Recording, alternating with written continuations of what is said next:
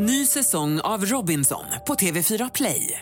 Hetta, storm, hunger. Det har hela tiden varit en kamp. Nu är det blod och tårar. Fan händer just nu. Det. är Detta är inte okej. Robinson 2024, nu fucking kör vi! Streama söndag på TV4 Play. Hej, jag heter Gry Forssell och du lyssnar inte på radiostationen Mix Megapol. I alla fall inte just nu, för du ska ju precis höra ett nytt avsnitt av Mord mot mord. Men först vill ju vi säga hej. Hej, hej, det här är NyhetsJonas. Det här är Carolina Widerström. Och här är Gullige Dansken. Ja, och så Gry då, då. Det vi vill säga är att när du har lyssnat klart på den här podden, då får du gärna lyssna på våran. Vi spelar in ett nytt avsnitt varje morgon av våra podd Kvartsamtal.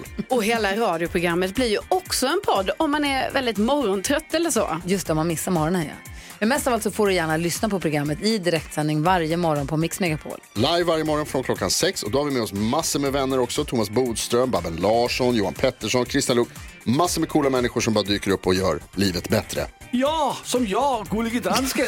Exakt så. Och så mycket bra musik och annat skoj såklart. Så vi hörs när du vaknar på Mix Megapol. Radio Play.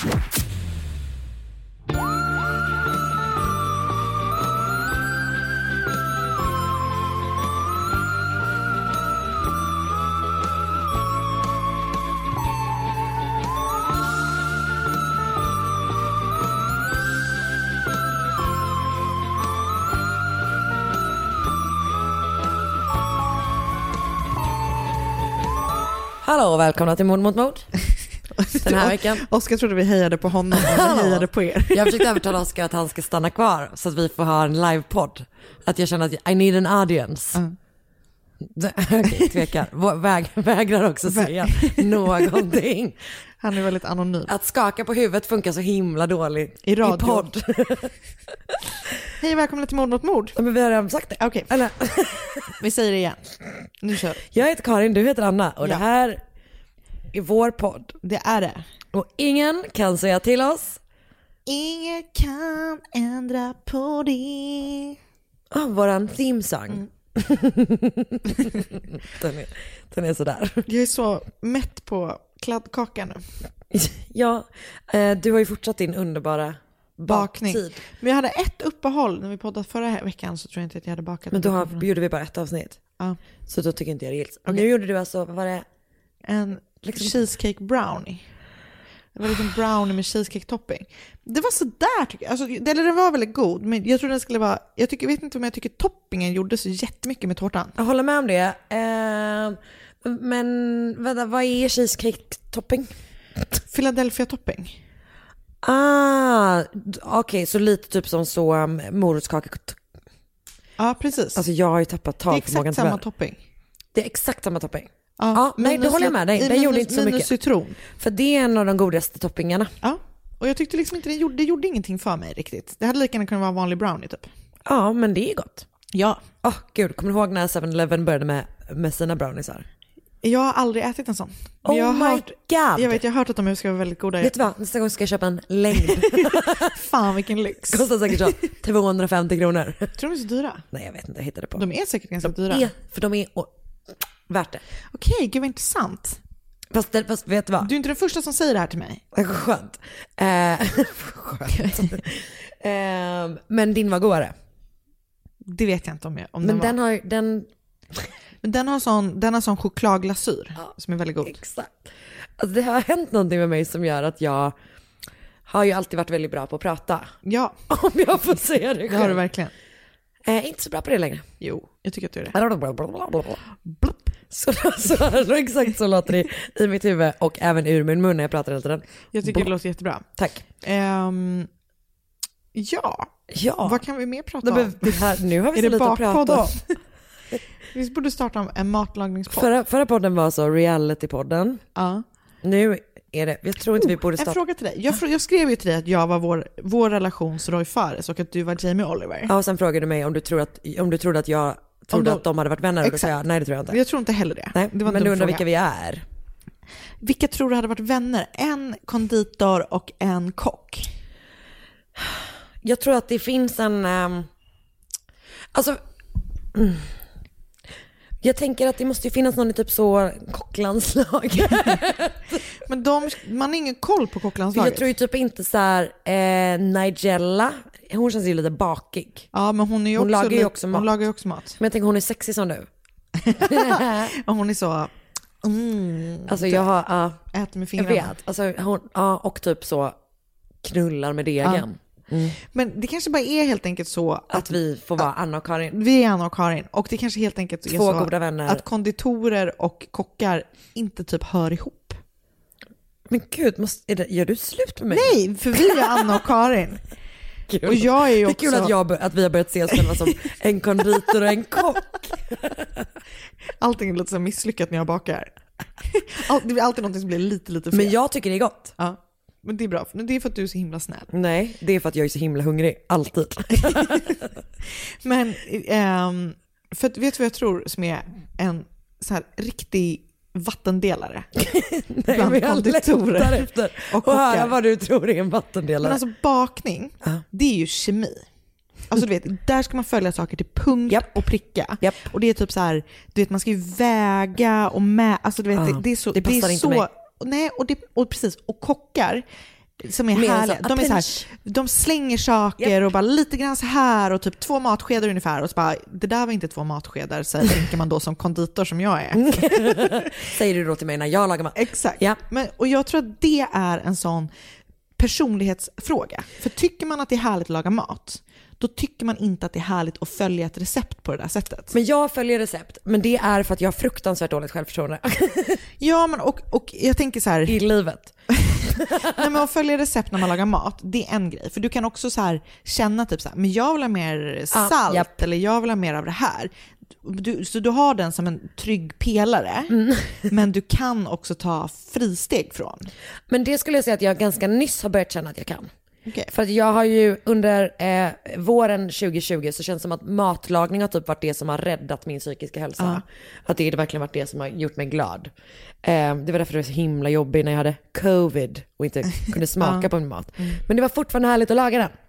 Och se Marcus ansikte lysa upp är viktigast för mig. Skoja, vill verkligen, verkligen äta själv. Verkligen. Men så att innan har jag nog alltid varit mer så här, men jag gör min research. Jag är ju bra på research, Ja, det inte just alltså så. Jag är bra på att googla. Jo, men det är du så. verkligen. Eh, men nu känner jag att nu kan jag saker. Nu kan jag kolla på ett kylskåp och vara så här. Men jag måste säga att eh, jag kan förstå vad du menar, att du känner så. Men som en bystander så tycker jag att du har varit där väldigt länge. Men gulle du. Jag tycker du lagar väldigt god mat och jag tycker du är väldigt, känns väldigt trygg och påhittig i köket. Och i livet. jag är för skör. Så det här är konditorn Anna till kocken Karin. Vi har bryggat den där bron. Den är They oöverbryggliga. said it couldn't be done. Men nu är vi här. Är vi Du här. har sträckt ut ett decilitermått och jag har tagit emot det. ja, ja, ja, ja. ja. Ah, wow.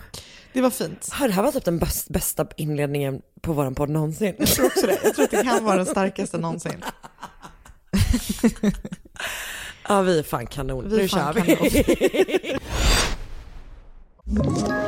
Ett poddtips från Podplay. I fallen jag aldrig glömmer djupdyker Hasse Aro i arbetet bakom några av Sveriges mest uppseendeväckande brottsutredningar. Går vi in med hemlig telefonavlyssning och, och då upplever vi att vi får en total förändring av hans beteende. Vad är det som händer nu? Vem är det som läcker? Och så säger han att jag är kriminell, jag har varit kriminell i hela mitt liv men att mörda ett barn, där går min gräns. Nya säsongen av Fallen jag aldrig glömmer på Podplay.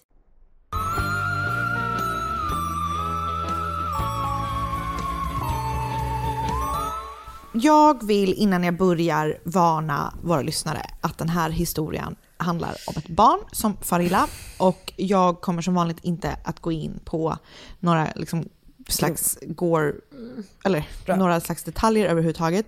Men jag vill ändå ha det sagt och så får man, om man vill kan man trycka på den där kända spola-knappen eh, och hoppa direkt till ditt fall.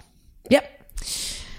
Ehm, den 13 november 2011, ungefär 20 över 7 på kvällen, ringer en helt förtvivlad kvinna i Calgary, Kanada. eh, till larmcentralen.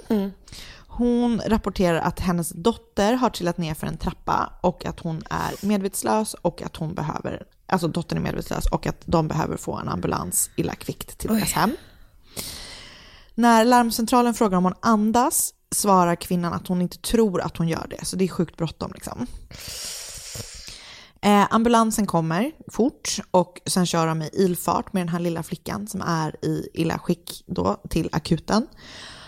Och eh, de börjar liksom vårda henne. Och när de liksom är på sjukhuset och de börjar ta hand om hennes skador så inser personalen att den här kvinnan då som har sagt att eh, hon har trillat ner för trappen, eller Ja. den liksom historien om vad som har hänt henne. eh, Stämmer inte överens Den verkar inte riktigt stämma. Nej. Så att eh, de tillkallar polisen. Mm. Så flickan som är då sex år, nej, flickan som har kommit in till sjukhuset är då sex år gammal. Mm. Hon heter Mika Jordan och hon är eh, en så här, hon är jättesöt liten flicka. Hon är så superglad, hon har en lillebror som är typ två år yngre. Hon älskar att typ sjunga och dansa. Hon är så här, eh, gillar att testa nya saker. Du vet, typ så här, hon typ inte rädd för att göra sig illa. Hon så här, typ testar att åka skateboard. Hon är bara så här orädd. orädd, glad flicka. Hon älskar typ, hennes favoritdjur är nyckelpigor och hon typ gillar att samla på dem, men bara tillräckligt länge. Så att liksom, hon vill inte hålla nyckelpigan borta för länge från sin mamma. Alltså du vet, hon är så här, en super, super, super gullig flicka verkligen. Hennes föräldrar eh, lever då inte med varandra, de har separerat och haft typ eh, lite så här, lite halvsmutsig tror jag, separation. Eh, när, när då Mika och hennes lillebror var ganska, alltså små. Jag tror typ så här ett och tre, typ, du vet någonting sånt.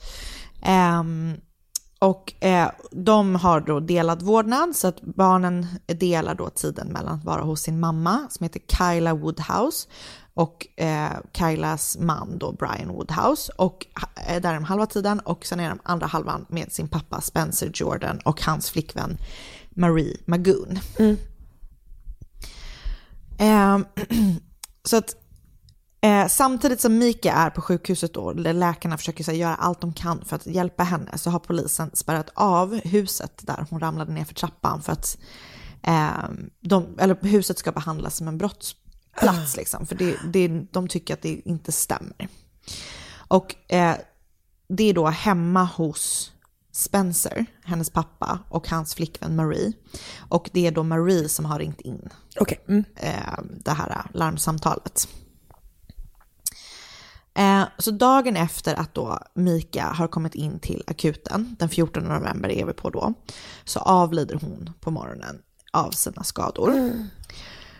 Skadorna som jag nämnde inledningsvis är då inte överensstämmande med de skadorna som man kan tänka sig uppkommer när någon har trillat ner för en trappa. Hon har, alltså utöver att hon, hon har blåmärken på hela kroppen, vilket kanske är överensstämmande. Men utöver det så saknas det så här hår på stora delar av huvudet. Hon har också väldigt så här, det är inte en skada, men hon har väldigt så här matt hår typ. Alltså in, oglansigt hår, vilket de typ tycker också är konstigt på ett litet Och typ som barn. att hon har liksom eh, brister. Typ så. Ja. Ehm, hon har också en ordentlig brännskada på insidan av handen. Eh, det finns tecken på att hon har varit bunden och att hon har fått utstå typ så här, våld mot eh, hennes kropp liksom generellt så. Lilla hjärtat.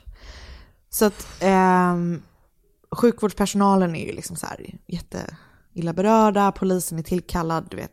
Alla är helt förtvivlade. Det är verkligen super, super hemskt. Och sex dagar efter att hon har gått bort så anordnas typ en begravning eller en minnesstund eller någonting sånt för den här lilla flickan som har gått bort. Och samtidigt så inleder då polisen en utredning för att försöka ta reda på vad som har hänt med den här stackars Mika och varför det har hänt henne. Eh, och snart så inser då Calgary Police Department att det enda, de enda som har haft tillfälle att typ så här åsamka henne de här skadorna som till slut ska döda henne då eh, var hennes egna pappa Spencer och hans tjej Marie. För att hon har ju då bott där liksom inför att det här händer.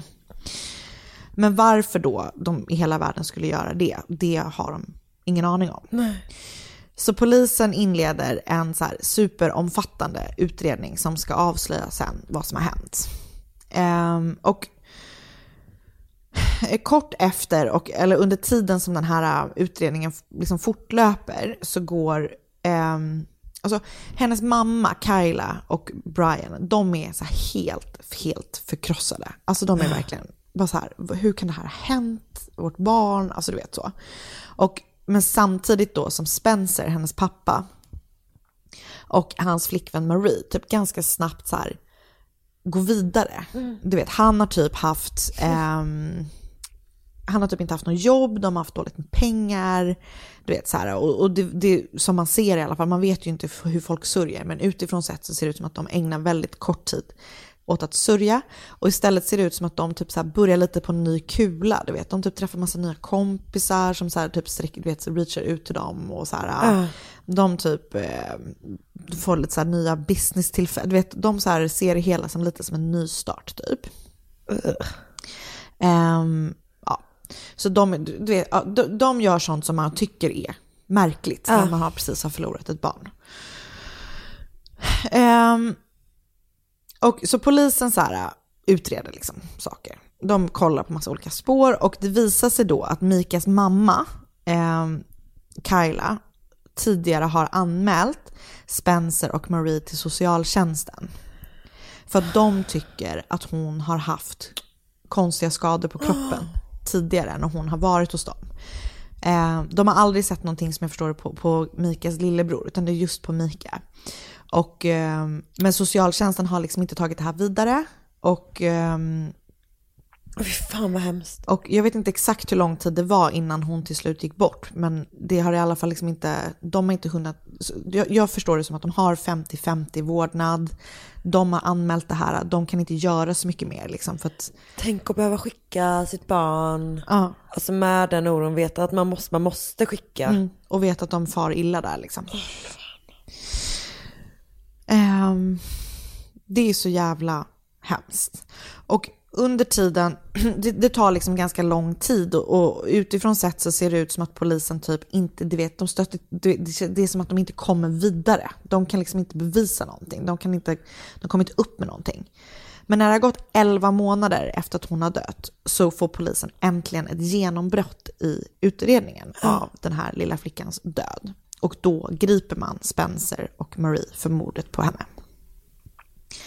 Eh, de förnekar allting. Det finns, vi har sett så lite filmer från typ deras förhör och det bara så här, de, de båda två bara så här, vi har inte gjort någonting för att skada henne. Vi vet inte hur det här har hänt, vi vet inte hur de här skadorna liksom har blivit på henne. Alltså, vet- de är verkligen bara så här, helt förnekande.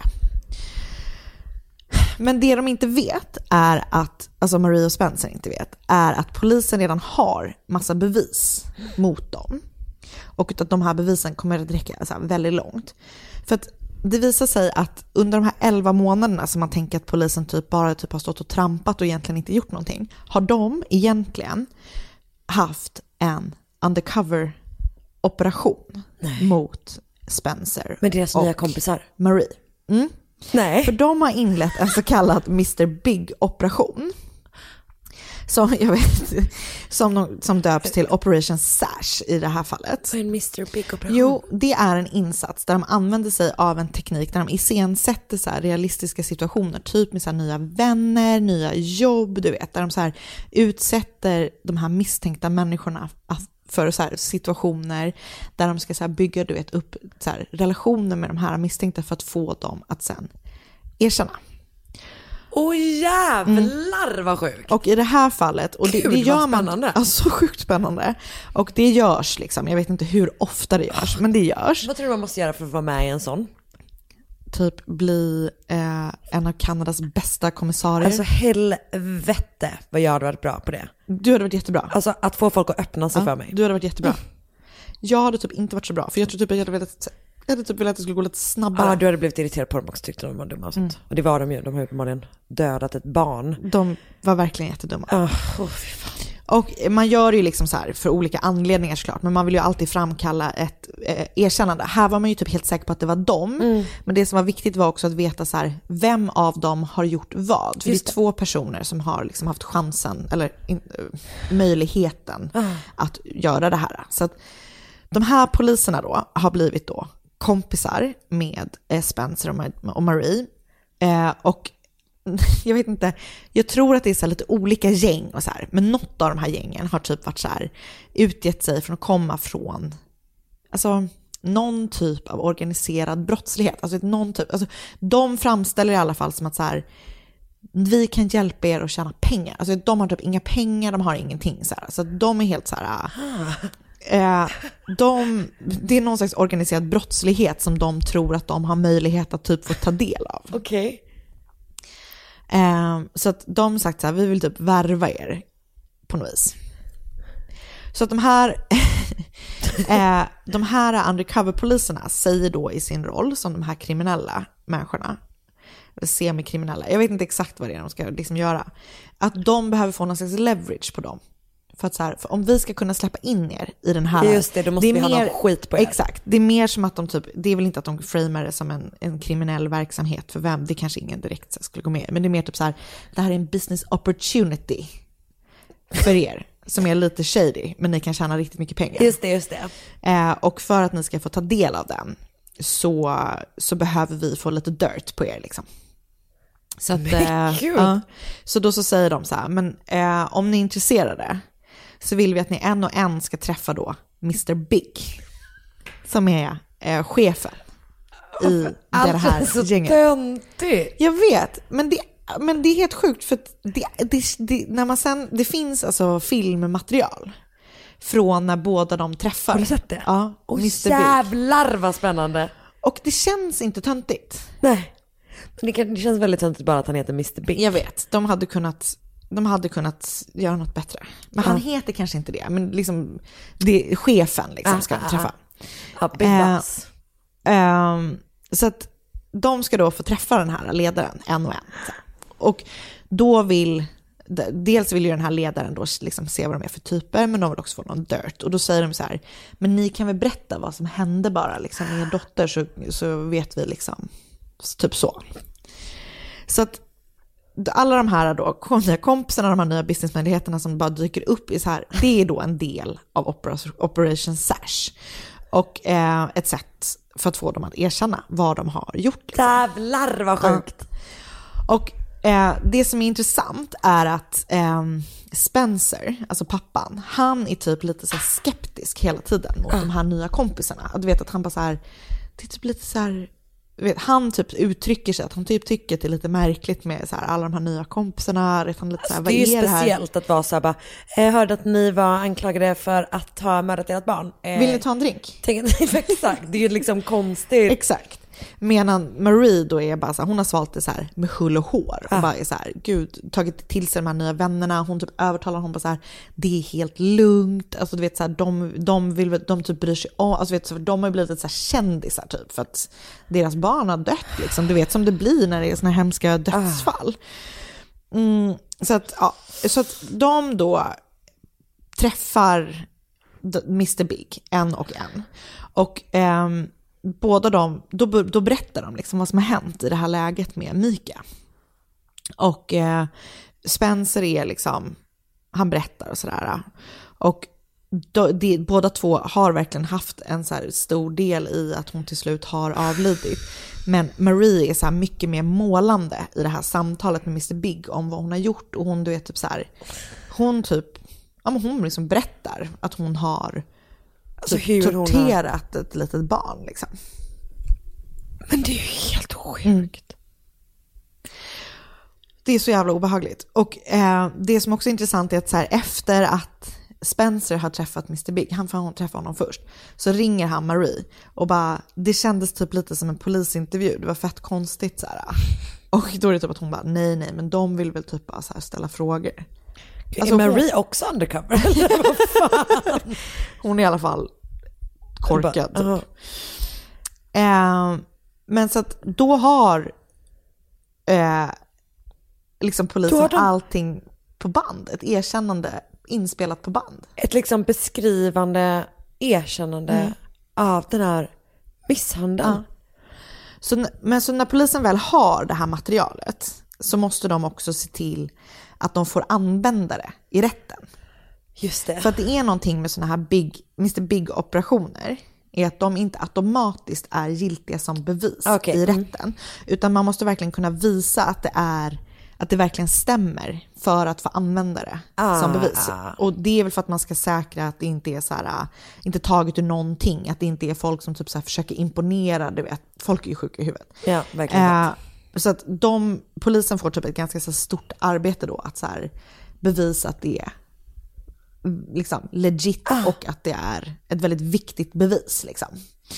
Vilket de då gör, för det liksom bedöms vara giltigt att användas som bevis. Så i rättegången så presenteras allt det här äh, inspelade materialet tillsammans med typ en rättsläkarrapport och sånt. Och ehm, motivet, eller så här, det som det spekuleras i, eller man tror att det som har hänt, har hänt för att de tycker att Mika, alltså det finns tecken, och Maria har också pratat om det, att de säger att Mika är så olydig. Alltså hon är ett olydigt barn. Så att de har gjort det som ett sätt att eh, uppfostra henne. Så att, Idiot. mm, så att i deras värld så är det typ när hon har gråtit, du vet, så är det, Just det. Så, och hon inte lyssnar, så är det att de liksom misshandlar henne då. Så det är så man tror att det liksom är... Eskalerat så. Ja, en, en, en liksom, en, en, det, det, det heter ju vet, att disciplinera sitt barn, typ som har gått totalt, totalt överstyr liksom. Eh, och man vet inte varför. Men man tror då att de tyckte att hon var olydig. För att lillebrorsan verkar liksom inte ha, han tror man ju då, han- typ ses sig som ett ganska viktigt vittne, men han är så liten så att han får, behöver inte vittna så här. Så Men, hemskt. men en fråga. Mm. Vet du någonting om, om huruvida, alltså mamman, Mikas mamma, vad heter hon? Med Kaila, Kaila. Kaila. Om hon har sett någonting av det här i sin exman liksom? Inte vad jag vet. Nej. Men jag, jag tror, alltså, jag, De kanske typ knappt levde tillsammans. jag, alltså Mika, jag tror, jag tror att det är två år om jag minns rätt Ja. mellan Mika och hennes lillebror. Och eh, jag tror att de typ har knappt levt ihop sen lillebrorsan kom. Eh, för att Kyle är då omgift med Brian. Ja. Och han är, liksom, de verkar ha varit så här, han har verkligen älskat, du vet, de har verkligen varit som riktiga föräldrar. Det är så sorgligt. Det är så jävla, jävla vidrigt verkligen. Men så, så nej, jag tror inte att hon har sett någonting om Nej. det. Eh, så man tror att det är sett som ett uppfostringsinitiativ liksom, initiativ som är helt vrickat och som då har som är alltså, ordentliga övergrepp, liksom, misshandel och sådär. Eh, och, eh, så de är i rätten och av någon outgrundlig anledning så döms de för dråp, tror jag att det blir. Ja, för de kan inte visa att de hade uppsåt. Nej, och de får livstidsfängelse med chans till frigivning efter 17 år. Men Spencer och Marie är inte nöjda. De tycker att de har fått alldeles för hårt straff. Va? För att de liksom är bara så här, vi typ, ja, De måste ha gått in i någon sån jävla folia död. verkligen. typ. Helvete vad sjukt. Och eh, Kyle och Brian är ju typ bara så här, det borde vara mer. Ja. Det borde vara mord liksom. Ni har mördat vårt barn. Ehm, så att alla liksom försöker över, överklaga det. Ah. Och ehm, så de är liksom överklagare från olika håll. Typ så här. Och då börjar åklagaren med typ så här, hur kan vi hävda att det är mord? För att i Kanada så kan det bara vara mord om det typ är så här på en polis. Alltså det var så här konstiga alternativ. De lyckas i alla fall. Så att det går upp till ehm, eh, först Al- eh, Alberta Court of Appeal. Ja. Där de döms till slut för mord. Ah. Eh, och, ehm, de, men så överklagar de det typ igen. Eh, vad heter de? Eh, Spencer och Marie alltså, överklagar igen. Upp i nästa instans. Och då liksom. går det till högsta domstol. Och där blir de också dömda för mord. Så de blir dömda till mord för mordet på Mika. Och deras straff blir då fortfarande livstid, för de hade ju livstid innan också. Men då får de chans till frigivning den, efter 25 år istället för 17 år. Mm. Så den 27 november 2017 fastställdes den domen. Ah. Skyldiga för mord med livstidsdom. Och nu sitter de Och där. nu sitter de där. Men det där är helt sjukt. Det är så himla Det är hemskt. alltså fruktansvärt jävla sorgligt. Men jag har typ heller aldrig hört tal, alltså den där typen av utredning känns som någonting som du vet så här, som de hade kunnat göra, inte ens i liksom en vanlig polisserie, i Brooklyn 99. Typ Förstår så. du vad jag ja, menar? men alltså verkligen. Ja. Alltså det känns som en sån... eh, Verkligen så hittepå-grej. typ. Ja! Men jag gillar Kanada. Det känns som att de är... Alltså, jag skulle, jag skulle, Kanada. Vi åker dit. Vi åker dit. Ja men det är så jävla jävla hemskt. Och då så, har jag då sett en, en Fan, dokumentär. Ah, där man får se de här klippen. Ja, som heter, den heter Crime Beat, Mika Jordan the Broken Princess. Och så har jag läst, och den är i sam, den är liksom, Crime Beat verkar vara Global News, som är en kanadensisk eh, Okej, det är deras, Det är deras, för jag har också läst en artikel på deras hemsida som heter The Story of Mika Jordan, The Broken Princess, som är liksom komplettering. Just det. Och sen så har jag läst en annan artikel på Global News eh, som heter Mika Jordan Trial. Ja, Stepmother confesses in Mr Big Sting Operation. Jävlar alltså. Det där var så sorgligt. Det är så himla sorgligt. Eh, hon var så himla hjärta. söt och liten. Och i den här dokumentären så var det så här en slutscen när lillebrorsan sjunger en sång till sin stora syster som heter Sissi och typ så här, ja det var bara så här, och jag är så himla hormonell och bara gråtig och bara, så jag kände, jag, man hatar ju när barn blir utsatta för hemskheter alltså. Det får man verkligen säga. Mm. Men man gillar en Mr Big-operation. Det gör man. Det gör Det är man. helt ja. Det är otroligt. Ja, vi- Okej, tack så jättemycket. Tack snälla, tack. Poddtips från Podplay. I podden Något Kaiko garanterar östgötarna Brutti och jag, Davva, dig en stor dos skratt. Där följer jag pladask för köttätandet igen. Man är lite som en jävla vampyr. Man har fått lite blodsmak och då måste man ha mer. Udda spaningar, fängslande anekdoter och en och annan arg rant. Jag måste ha mitt kaffe på morgonen för annars är jag ingen trevlig människa. Då är du ingen trevlig människa, punkt. Något Kaiko, hör du på Podplay. Därför är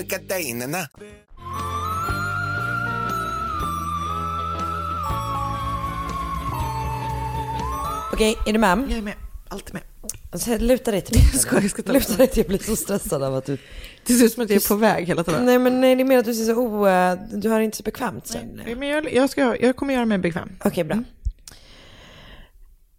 19 augusti 1987. Savernake Forest tror jag man säger. Kanske Savernake-skogen. Eh, Wiltshire.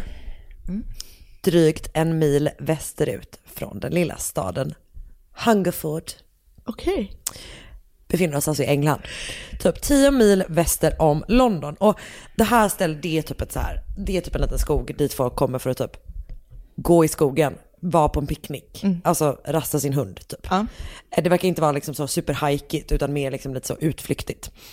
Eh, och den här dagen så är 35 år gamla sjuksköterskan Susan Godfrey från Reading eh, där på just picknick med sina barn. Hanna som är fyra och James som är två. Och vid halv ett så kommer en man fram till den här familjen. Och han har med sig en Beretta-pistol. Okej. Och han säger till Susan, eller Sue som hon kallas, att hon ska sätta sina barn i bilen som de har kört dit med. Och hon gör det och eh, de sätter sig liksom i baksätet. Och sen så tar den här mannen med sig Sue ut i skogen. Typ 80 meter från bilen. Och där skjuter han henne. Men gud. 13 gånger i ryggen. Bara sådär. Tills magasinet i pistolen är slut. Trots att hon är död efter tre skott. Och strax efteråt så kommer typ Hanna fram till en kvinna som heter Myra Rose och ber om hjälp eftersom a man in black has shot our mummy. Fy fan. Och Myra kontaktar då polisen som typ rycker ut för att så börja utreda det här brottet och det vet de inte då. Men den här gärningsmannen heter Michael Ryan och han har precis inlett en av Storbritanniens mest dödliga massskjutningar någonsin. Aha. Michael Ryan föddes 18 maj 1960 på Savernake Hospital. Han växer upp och bor då i Hungerford som alltså är då den här lilla stan som ligger precis i närheten. Hans pappa heter Alfred Ryan, han är 55 år gammal när Michael föds och han dör i cancer när Michael bara är 25 år.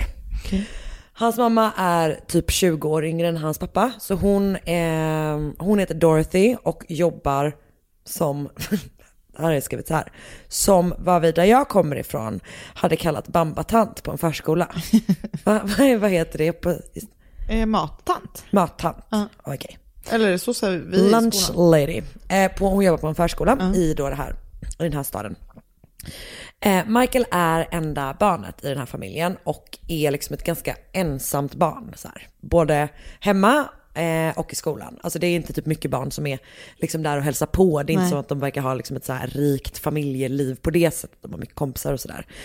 Ehm, utan han är väldigt ensam. Han är liksom normalbegåvad, eh, inte typ jättebra, inte jättedålig, anstränger sig inte särskilt mycket.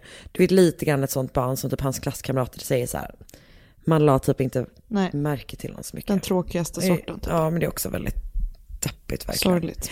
Han är liksom ganska tystlåten och sådär. Ehm, han är väldigt, väldigt nära sin mamma. Mm. Att det verkar som att så här, eh, att de, eh, alltså han är ju som sagt 25 när hans pappa dör. Eh, jag vet inte hur länge han har bott på vårdhem innan. Han bor, om jag har förstått det rätt, med sin mamma under hela sitt liv. Ehm, och eh, det, historien började ju 87, så då är, är han alltså 27 liksom. Eh, så att han och hans mamma är väldigt, väldigt nära. Och ehm, han får typ vad han vill från henne. Alltså jag tänker typ att hon försöker kanske överkompensera att han typ inte har några kompisar Säkert. med att ge honom saker. Fan. så typ vad han vill eh, får han lite, lite sådär. Och eh, han vill från en ganska tidig ålder ha vapen. det är tråkigt.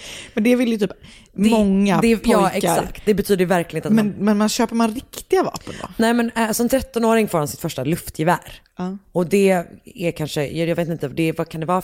Är det 16-årsgräns på luftgevär kanske? Jag har ingen aning. Jag vet inte heller. Ehm. Men jag vet att i, de har, i, typ, om det var i, någonstans i Sverige, så har de haft problem med att det är många som skjuter på folk. Ja, med, exakt. Det är så jävla läskigt. Och grejen är att det gör ju han eh, också då, utan han, liksom, han blir, dels blir han väldigt, väldigt bra på så här prickskytte. Mm. Men han börjar också skjuta på djur och typ så här att liksom, hans klasskamrater berättar att han typ siktar på dem och sånt. Och du vet det finns någon historia om att någon är, är typ inne i någon, lå, eh, någon lada med någon kompis och så du vet plötsligt så är det bara som att så här, väggen bara peppras med luftgevärsskott upp. Och då är det att han ligger utanför och typ skjuter där liksom.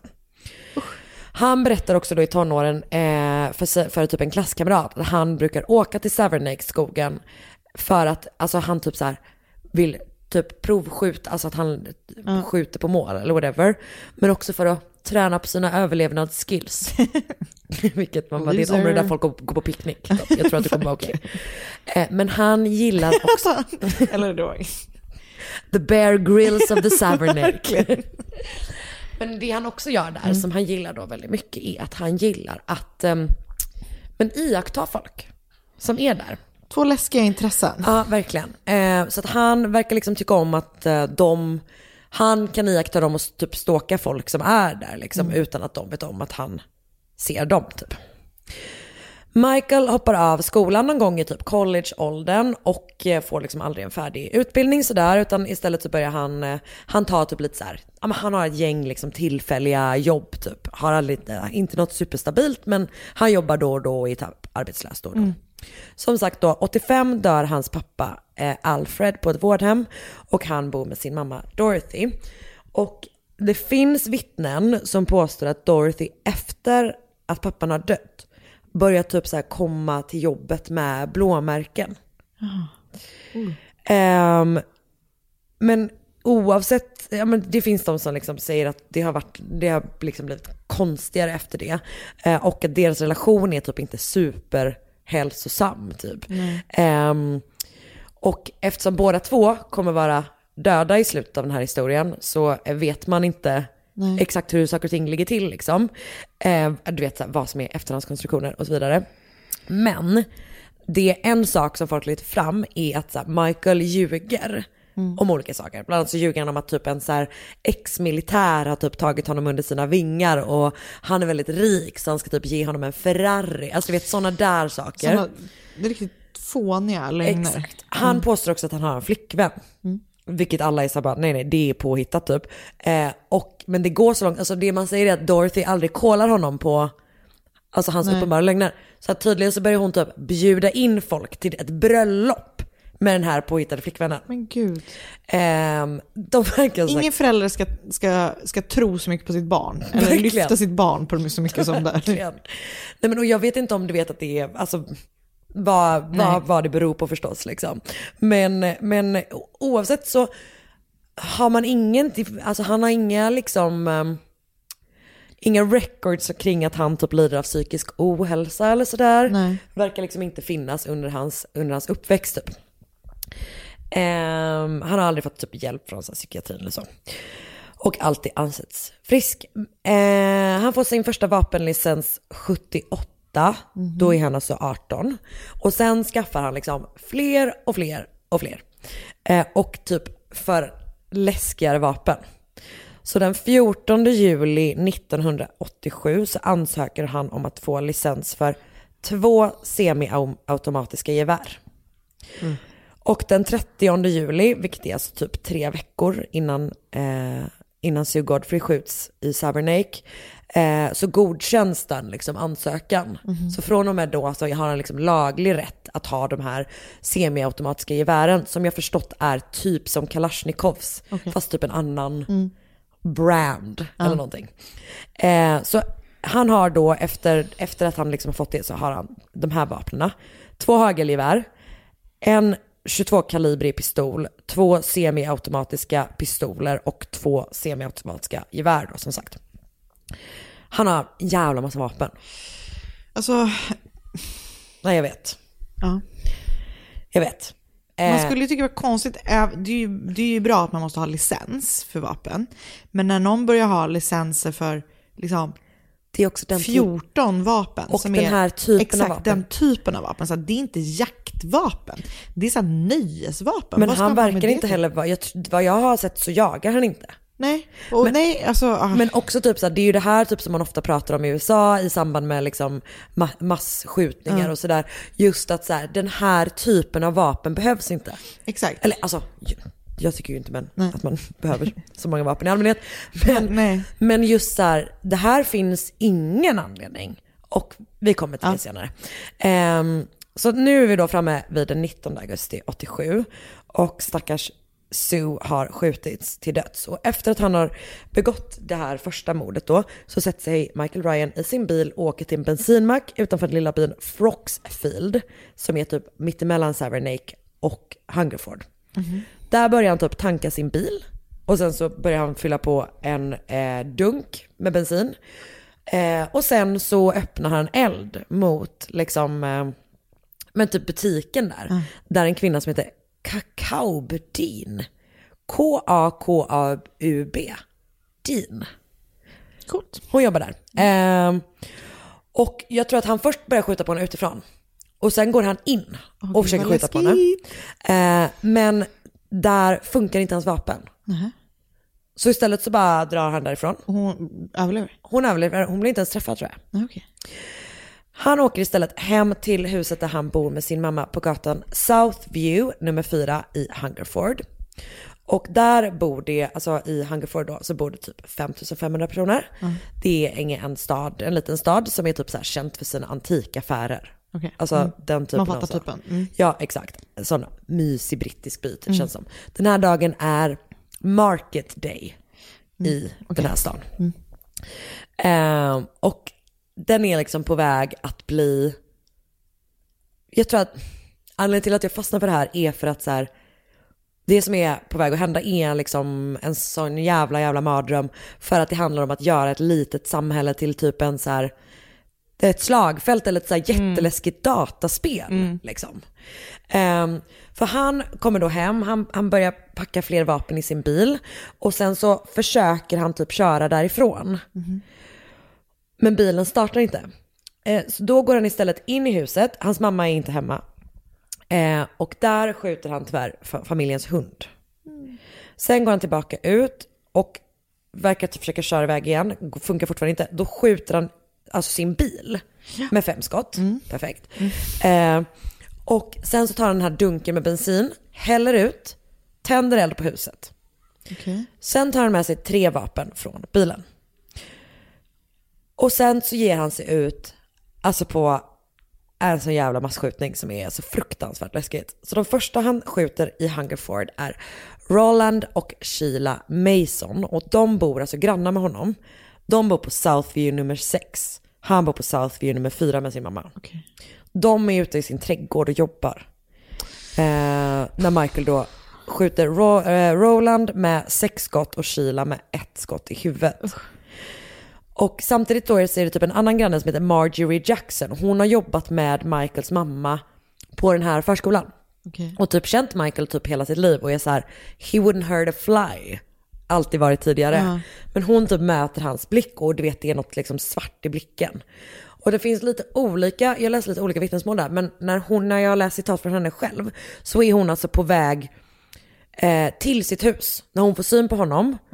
Och han höjer sitt vapen och hon börjar springa mot sitt hus. Och du vet det studsar ku- kulor liksom Fy runt henne. läskigt. Hon springer in i sitt hus och du vet liksom låser om sig och är så här, "Ah, jag är inne. Tittar upp, då står han i fönstret. Nej! Och han liksom, jag tror att hon har också hundar som hon typ låser in i ett, så här, i ett köksskåp. Och sen så tar hon sig längre in i huset liksom. Eh, men han hinner, eh, han träffar henne, han skjuter henne. Men hon liksom lever än så länge då.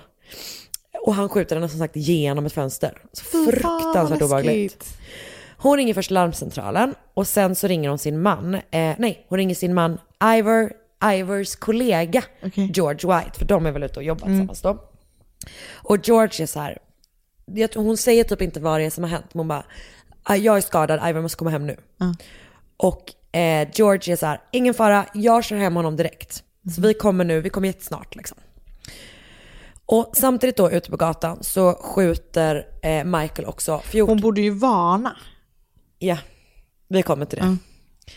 Eh, för samtidigt då ute på gatan så skjuter han 14-åriga Lisa Mildenhall i magen och benen typ med fyra skott.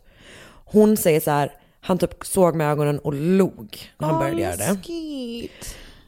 Däremot skjuter han inte 77 år gamla grannen Dorothy Smith som är döv på ena örat. Hon kommer ut från sitt hus och är rasande på honom för att han gör, he's making noise. Så hon kommer ut och skriker typ såhär, is that, making you, eh, is that you making that noise? You're frightening everybody to death. Stop it you stupid bugger. och så går han därifrån. Bra. Ja, verkligen. Han går mot typ stans centrum och, och park liksom. Först. Och på vägen dit så möter han familjen Clemens. Och när pappa Kenneth ser honom komma emot dem så sträcker han upp sina händer typ och är så här, don't, Don't shoot, shoot, liksom. Och det gör att, eh, alltså att han gör det blir typ som en liten så avledningsmanöver för resten av hans familj. Så att hans ena son, som jag tror heter Robert, han kastas typ över ett staket och flyr. Och resten av familjen flyr också. Men Kenneth eh, skjuts med ett skott i bröstet och dör på plats. Och Då har skjutit, sk- dödat tre. Nu ska vi se. Skjutit fyra. Ah, f- nej, just dödat fyra. Också, ja. Mm. Eh, dödat fyra och skjutit Fem. eh, en. Ja, en extra. Ja, precis. Grejen är att polisen har typ problem med sin larmcentral. Det här är ju verkligen inte en stad som är så här rustad för den här typen Nej, av, nej. vilket ju få städer är. men vilken stad är det? Exakt. Eh, de har ju, som vi pratade om, eh, inte, inte beväpnad polis i stor utsträckning. Och jag tror att det typ är så att den polisen som finns i närheten som Det var är, så? Jag tror det, att det är så. Eh, att den polis som finns i närheten som är beväpnad, eh, de är typ på någon träning, det är någon sån grej. Deras larmcentral klarar inte av att folk ringer så mycket. Åh gud. För folk börjar ju ringa Såklart. överallt ifrån Ja. och är så här, nu det han är här, han är här, han är här. Det vilket också gör det omöjligt för dem att veta Mm. var han är liksom. Eh, så systemet typ så här bryter ihop. Mm. Men första polisen kommer i alla fall till Southview. Han heter Roger Barrington.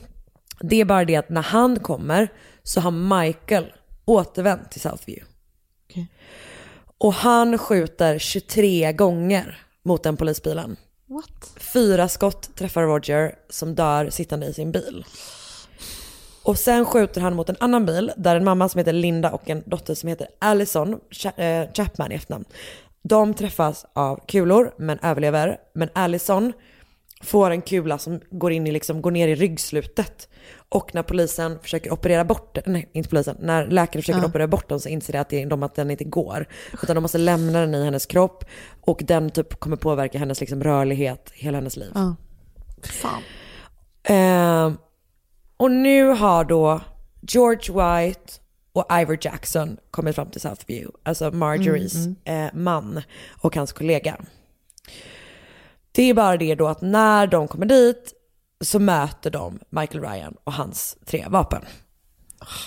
Och han har då, ehm, han skjuter George i huvudet med ett enda skott och dödar honom på plats liksom när han sitter i sin bil. Ivor träffas med tre skott i armen, i bröstet och i huvudet. Men han lever. Och han bestämmer sig för att så här, det bästa sättet, mitt bästa chans att överleva är att spela död. Det är alltid det bästa tror jag. Det beror nog verkligen på situationen. Nej, inte nu Anna. Ehm, så han ligger i George bil och är liksom spelat medvetslös. När han typ med ena ögat Gud vad läskigt. ser Dorothy Ryan, alltså Michaels mamma, komma tillbaka så from the market. Alltså chocken för henne. Hon går förbi, och det här är ju deras grannar. Hon går förbi den här bilen, kollar in i bilen och så säger hon så här, Oh no Ivor, not you. Och sen så möter hon sin son och hon typ så här ber honom sluta med det han håller på med. Och sen skjuter han henne. Först på nära håll när hon står upp och sen två gånger till i ryggen när hon har fallit. Sen går han upp på Fairview Road där han skjuter 84 år gamla Abdul Khan, eh, som är typ så tidigare Mm. krögare. Eh, han klipper sin gräsmatta. Och Och skjuts... så gammal. Ja, jag vet. Och han skjuts eh, med tre skott. Och direkt efteråt så skjuter han eh, på Alan Leptit som träffas två gånger i armen och en gång i ryggen men överlever. Men jag tror att Abdul Khan inte klarar Mm. sig. Och sen är det typ en till kvinna som går ut på sjö för att skälla på honom för att han gör oväsen. Man bara gå inte ut till någon som du de här skjuter. tanterna? Betty, Betty Tolliday. Eh, hon går ut, för hon bara ska skälla på honom för att Ja. han gör. De tror typ att han skjuter luftgevär. Ja, okej. Ehm, och så hon, eh, hon går ut för att skälla på honom, skjuts utanför sin dörr men klarar sig. Nu börjar det komma ambulanser till det här området. Det är bara det att de möter ju honom. Så han skjuter mot ambulansen och skadar ambulansföraren Hazel Ha- eh, Haslett. Så hon får liksom bara så här köra iväg så fort hon kan för att typ rädda sig själv och sina kollegor liksom. Och du vet så här, det här lilla, lilla området, i den här lilla, lilla stan är liksom belägrad Fan vad läskigt. av den här mannen med automatvapen. Det är alltså så det är så jävla jävla obehagligt. jävla obehagligt. Och nu går han tillbaka mot den här parken igen. Mm. Och där skjuter han eh, Francis Butler som är tvåbarnsfar och är ute och går med en hund. Mm-hmm. Och han eh, mördar sen en taxichaufför som heter Marcus Barnard. Som typ, han har valt den vägen för att Southview är avspärrat nu Ah, okej. av polisen. Mm. Så han kan inte köra där längre och då stöter han på honom där istället. Liksom. Han skadar Anne Honeybone och John Storm som skjuts, alltså han skjuter ju ofta, alltså han skjuter ju på folk i bilar jättemycket liksom. Ehm, de, John Storm skjuts i huvudet men överlever. Han skjuter in i en bil som körs av eh, Douglas Wainwright och han, hans fru sitter liksom, eh, alltså, det är Douglas och Kathleen Wainwright, de är liksom ett, ett gift par, lite äldre. Eh, och Douglas dör, men Kathleen överlever. Trots att Michael skjuter åtta rundor in i den Jävlar. bilen.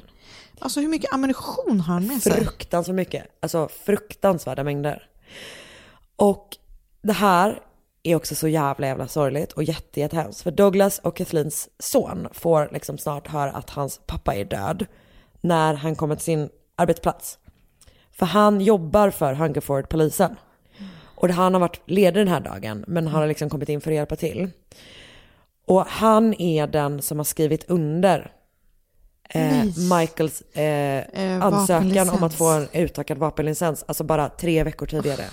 Vad Och du vet, det var ett rutinare ärende, det, Ja. var, det är inte Det- att han tog nej, ett beslut, nej. men det är ändå så, alltså så här, Den känslan. Ja, och det blåstes upp jättestort Ah. i, i pressen och han hade jätte, jättemycket ångest.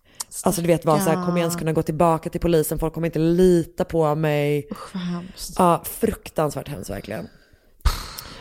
Ehm, Eric Vardy och Steven Ball ser från sin bil hur en man så springer ifrån Michael Ryan och typ håller sig för överarmen och springer typ in i en liten gränd.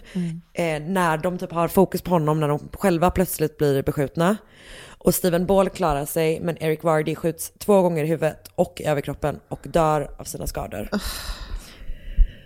Sandra Hill, 22 år gammal. Jag tror att hon kommer från Hungerford men har flyttat därifrån. Nu är hon tillbaka för att hälsa på sina kompisar. Och hon skjuts och dödas i sin bil vid halv två. Alltså du vet det är att det liksom, de bara kör genom det här Mm. centrumet och så blir de beskjutna. Det är så jävla läskigt. Alltså det är så fruktansvärt läskigt Mm. verkligen. Och hon skjuts då vid halv två, så det är alltså, det har typ gått en timme. Mm. 45 minuter från första skotten i Hungerford, en timme efter eh, skotten mot Sue liksom. Och efter det så tar sig Michael Ryan in i ett hus. Alltså han skjuter sig själv in i ett hus typ. Och där mördar han Jack och Myrtle Gibbs. Och Myrtle sitter i rullstol. Och Jack dör när han försöker skydda henne med sin kropp. Alltså han kastar sig över sin fru typ för att skydda henne. Och då blir han skjuten till döds. Och två dagar senare så dör Myrtle av sina skador också. Utanför deras hus så dödar han sitt sista offer i en plail som kör bil med sina barn och sin fru. Och Ian skjuts i nacken och dör också han två dagar senare. Eh, och han blir det sista offret. Men gud hur många har han skjutit? Alltså hur många som helst. Eh, 15. Eller om det är 16, 16 mördare och 16 personer döda, 15 skadade. Och då har de, Ah. räknar de alltså inte in de som har lätta skador. Alltså du vet typ att någonting har liksom så att de fått, utan det är de med svåra skador. Fy fan. Ja, Det är så fruktansvärt många liksom. Eh, När var det här 87? 87. Och han kommer då också, han kommer döda en till person, sig själv. Ja. För strax efter då att han har mördat Ian så bryter sig Michael in på John Gaunt Community Technology College där han själv typ pluggat tidigare. Det är ju sommarlov Ja. så det är ingen där liksom. Han barrikaderar sig själv i ett, eh, ett klassrum på övervåningen. Och 16.45 så är polisen på plats. Alltså då har de typ tagit sig in på skolgården om jag har förstått det rätt. För du vet, det har, varit, det har ju varit så jävla svårt att veta vart han är. Fatta hur många vittnesmål som har kommit hela tiden. Till slut så kan de liksom vara så okej men han är här. Och eh, anledningen till att de hittar honom är för att han alltså skjuter med automatvapen genom fönstret på både polisens och medias helikopter. Galning. Eller helikoptrar liksom. Så att han siktar upp i himlen och skjuter på folk. Alltså, Och Jesus. jag vet. En förhandlare från polisen eh, får då kontakt med honom och börjar prata med honom. Och då säger han så här, han bara Hungerford must be a bit of a mess. I should have stayed in bed. Ehm, Vad 1845. menar han ens? Ja men att det, nej alltså. Det... Vet, vet, vet, vet du vad som, vet du vad det påminner mig om? Nej. Det påminner mig så himla mycket om hon, eh, I don't like Jag Mondays. tänkte att du skulle säga För det. det är ja. samma typ av Så liksom himla, så här ehm, obryddhet Mm, typ. Jag tänkte, gud vad roligt när du sa. Jag För det, kän- det är liksom Mm. samma, ja, nej men verkligen. 1845 så säger Michael Ryan till förhandlaren It's funny. I've killed all those people. But I don't have the guts to blow my own brains out. Sju minuter senare så gör han dock det. Han avslutar sitt liv. Och det som är med det är att på grund av det så försvinner ju också alla möjligheter att förstå Varför? varför han gjorde det här. Man har ingen aning, man har inte hittat någonting. Ingenting. Och det finns ju de som säger så här, han måste ha typ ha lidit av en psykos eller du vet sådär. Eh, samtidigt som att andra då lyfter fram att så här, han ansökte om de här vapenlicenserna typ en hel, mer än en månad Ja. innan. Alltså du vet liksom att det fanns ett, Fanns ett, ett planerande planering. eh, liksom, av det. Det finns också de, det finns de som påstår att, eh, att han hade sexuella motiv för det första mordet. Men när han, han misslyckades med det, alltså det är inte det, har- det finns inga, Nej. inga tecken på brottsplatsen som, där, som eh, tyder på att hon har utsatts för sexuella övergrepp. Men att han eh, misslyckades med det och då went Blev- on rampage typ. Eh, det finns också de som menar att han antagligen hade tänkt att fly. När, men när bilen inte startade, alltså när han var vid sitt Ah, okej. hus. Så var det typ att han bara, ah, ja, Ja, exakt. då blir det lika gärna så här. Ja. Och jag tror att det är, alltså om det är tre eller fyra hus som ligger runt omkring hans hus som också brinner ner typ till grunden på grund av den här elden. Så det Jäklar. pågår ju en sån här sjuk jävla brand samtidigt liksom. Fan vad sjukt alltså. Och du vet de beskriver hur det är så här, eftersom de inte vet vart han är för en kvart i fem och han skjuter sitt sista offer, offer vid typ halv två, kvart i två någonting. Eh, så vågar de ju inte hämta offer. Nej, fan vad läskigt. Utan det är liksom så här, så det är en krigszon verkligen. Obehagligt. Eh, som sagt, Michael Ryan dödade då 16 personer och skadade minst 15. Som sagt, de som skadats liksom lättare har inte räknats in. Man hittar 78 kulhål i 15 bilar. Och Hungerford är ju liksom för alltid förändrat såklart. Ja. Typ. Alltså du vet att man pratar om att så här, innan så kom liksom så turister dit för att typ, som sagt gå i så antikaffärer. Nu är folk typ där och letar efter kulhål. Liksom. Fy. Att man alltid får de här vidriga typ så dark tourism. Jag fattar inte Ja, folk jag som vet, gör jag det. det, alltså. är det är så jävla osmakligt. Ja, det är verkligen osmakligt och eh, vidrigt gentemot ja, offer och anhöriga. Anhöriga. Att göra så här, nu är det här mitt nöje typ, eran tragedi. Ehm, och man pratar gärna inte om den här massakern i det här samhället, som jag tänker det så ofta blir liksom. Men när man gör det så kallas det bara för the tragedy. Och efter det här så förändras lagarna som rör, eh, alltså jag tror att det blir olagligt att äga semiautomatiska gevär Ja, på det här sättet. Alltså att man liksom, precis det som folk hela tiden pratar om i USA, Mm. som var, efter varje sån här skjutning som är exakt det som folk calls for, eh, gör man i Storbritannien efter det här liksom. Och jag tror att det, det, fin- det är någonting med ammunitionen också liksom. Alltså Mm. att man, man, man, man gör, eh, man tar eh, initiativ för att förbättra liksom, kontrollen och sådär. Och jag har då sett en BBC-dokumentär som heter The Hungerford Massacre och läst, de har också en text eh, som liksom stöttar Mm. den som heter, också heter Massacre.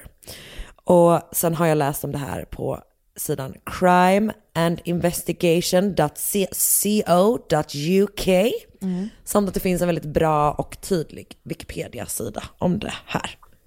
Tack snälla, jag har aldrig hört talas om det. Inte jag heller. Visst är det Väldigt sjukt? sjukt. Ja. Alltså det är så fruktansvärt, men det är någonting just med den här miljön typ. Alltså att det är, är som stadsmiljö och folk bara, kommer bara ut genom sina hus typ, kolla läget liksom. Jätteläskigt. Och att det är en sån liten eh, liksom, håla typ på landet. Det är så jävla... Fy fan vad läskigt. Ja, tack snälla för att du berättade om det. Och tack för att ni har lyssnat på oss. Det tackar vi alltid för. Det gör vi. Eh, ja, vi hoppas att ni går med i vår Facebookgrupp som heter Mord mot mord podcast. Jag blev så himla glad. Nu är, det här är ju inspelat i juni då. Men vi gick ju över 11 000 medlemmar. Otroligt. Alltså jag, det, var en, det, det pirrade i mig. Alltså det, det, siffrorna gör ju väldigt någonting, men bara specifikt de siffrorna. Du har ju aldrig brytt dig om våra lyssnarsiffror till exempel. Du har ju ingen aning om hur många som lyssnar. Det är verkligen konstigt. Men det är någonting så, det, det är så tydligt liksom. Ah, ah, det är lyssnarsiffror människor är också ganska tydligt, men okej. Vi kan berätta, jag kan berätta för dig sen. Ja, berätta för mig sen. Eh, och så får ni gå med där. Ja. Eh, och sen så köp, eh, nu närmar sig ju te-perioden här, hösten. Köp en kopp i vår podd, på podstore.se. Gör det. Och vet du vad som också närmar sig? Hoodie-perioden. Kyliga kvällar. Drar man på sin hoodie. Perfekt på kräftskivan. Perfekt på skivan. Eh, fantastisk conversation stöd. Mm, vad står det på din tröja? Står mord mot mord. Eh, så då blir vi glada. Ja, Vi ehm, hörs nästa vecka igen. Det gör vi. Och eh, Anna, Karin. nu, eh, alltså ni behöver inte oroa er, vi är verkligen tillbaka nästa vecka. Men i mitt och Annas huvud där vi är just nu så är det semester. Så är det sommarlov och eh, njut av det. Och njut av det, Anna Sandell. Och Karin snart Andre. kommer våran bebis. Hej då! Ett poddtips från Podplay. I podden Något Kaiko garanterar östgötarna Brutti och jag, Davva, dig en stor dos skratt. Där följer jag pladask för köttätandet igen. Man är lite som en jävla vampyr. Man har fått lite blodsmak och då måste man ha mer. Udda spaningar, fängslande anekdoter och en och annan arg rant. Jag måste ha mitt kaffe på morgonen för annars är jag ingen trevlig människa. Då är du ingen trevlig människa, punkt. Något Kaiko, hör du på Podplay. Därför arkadeinerna.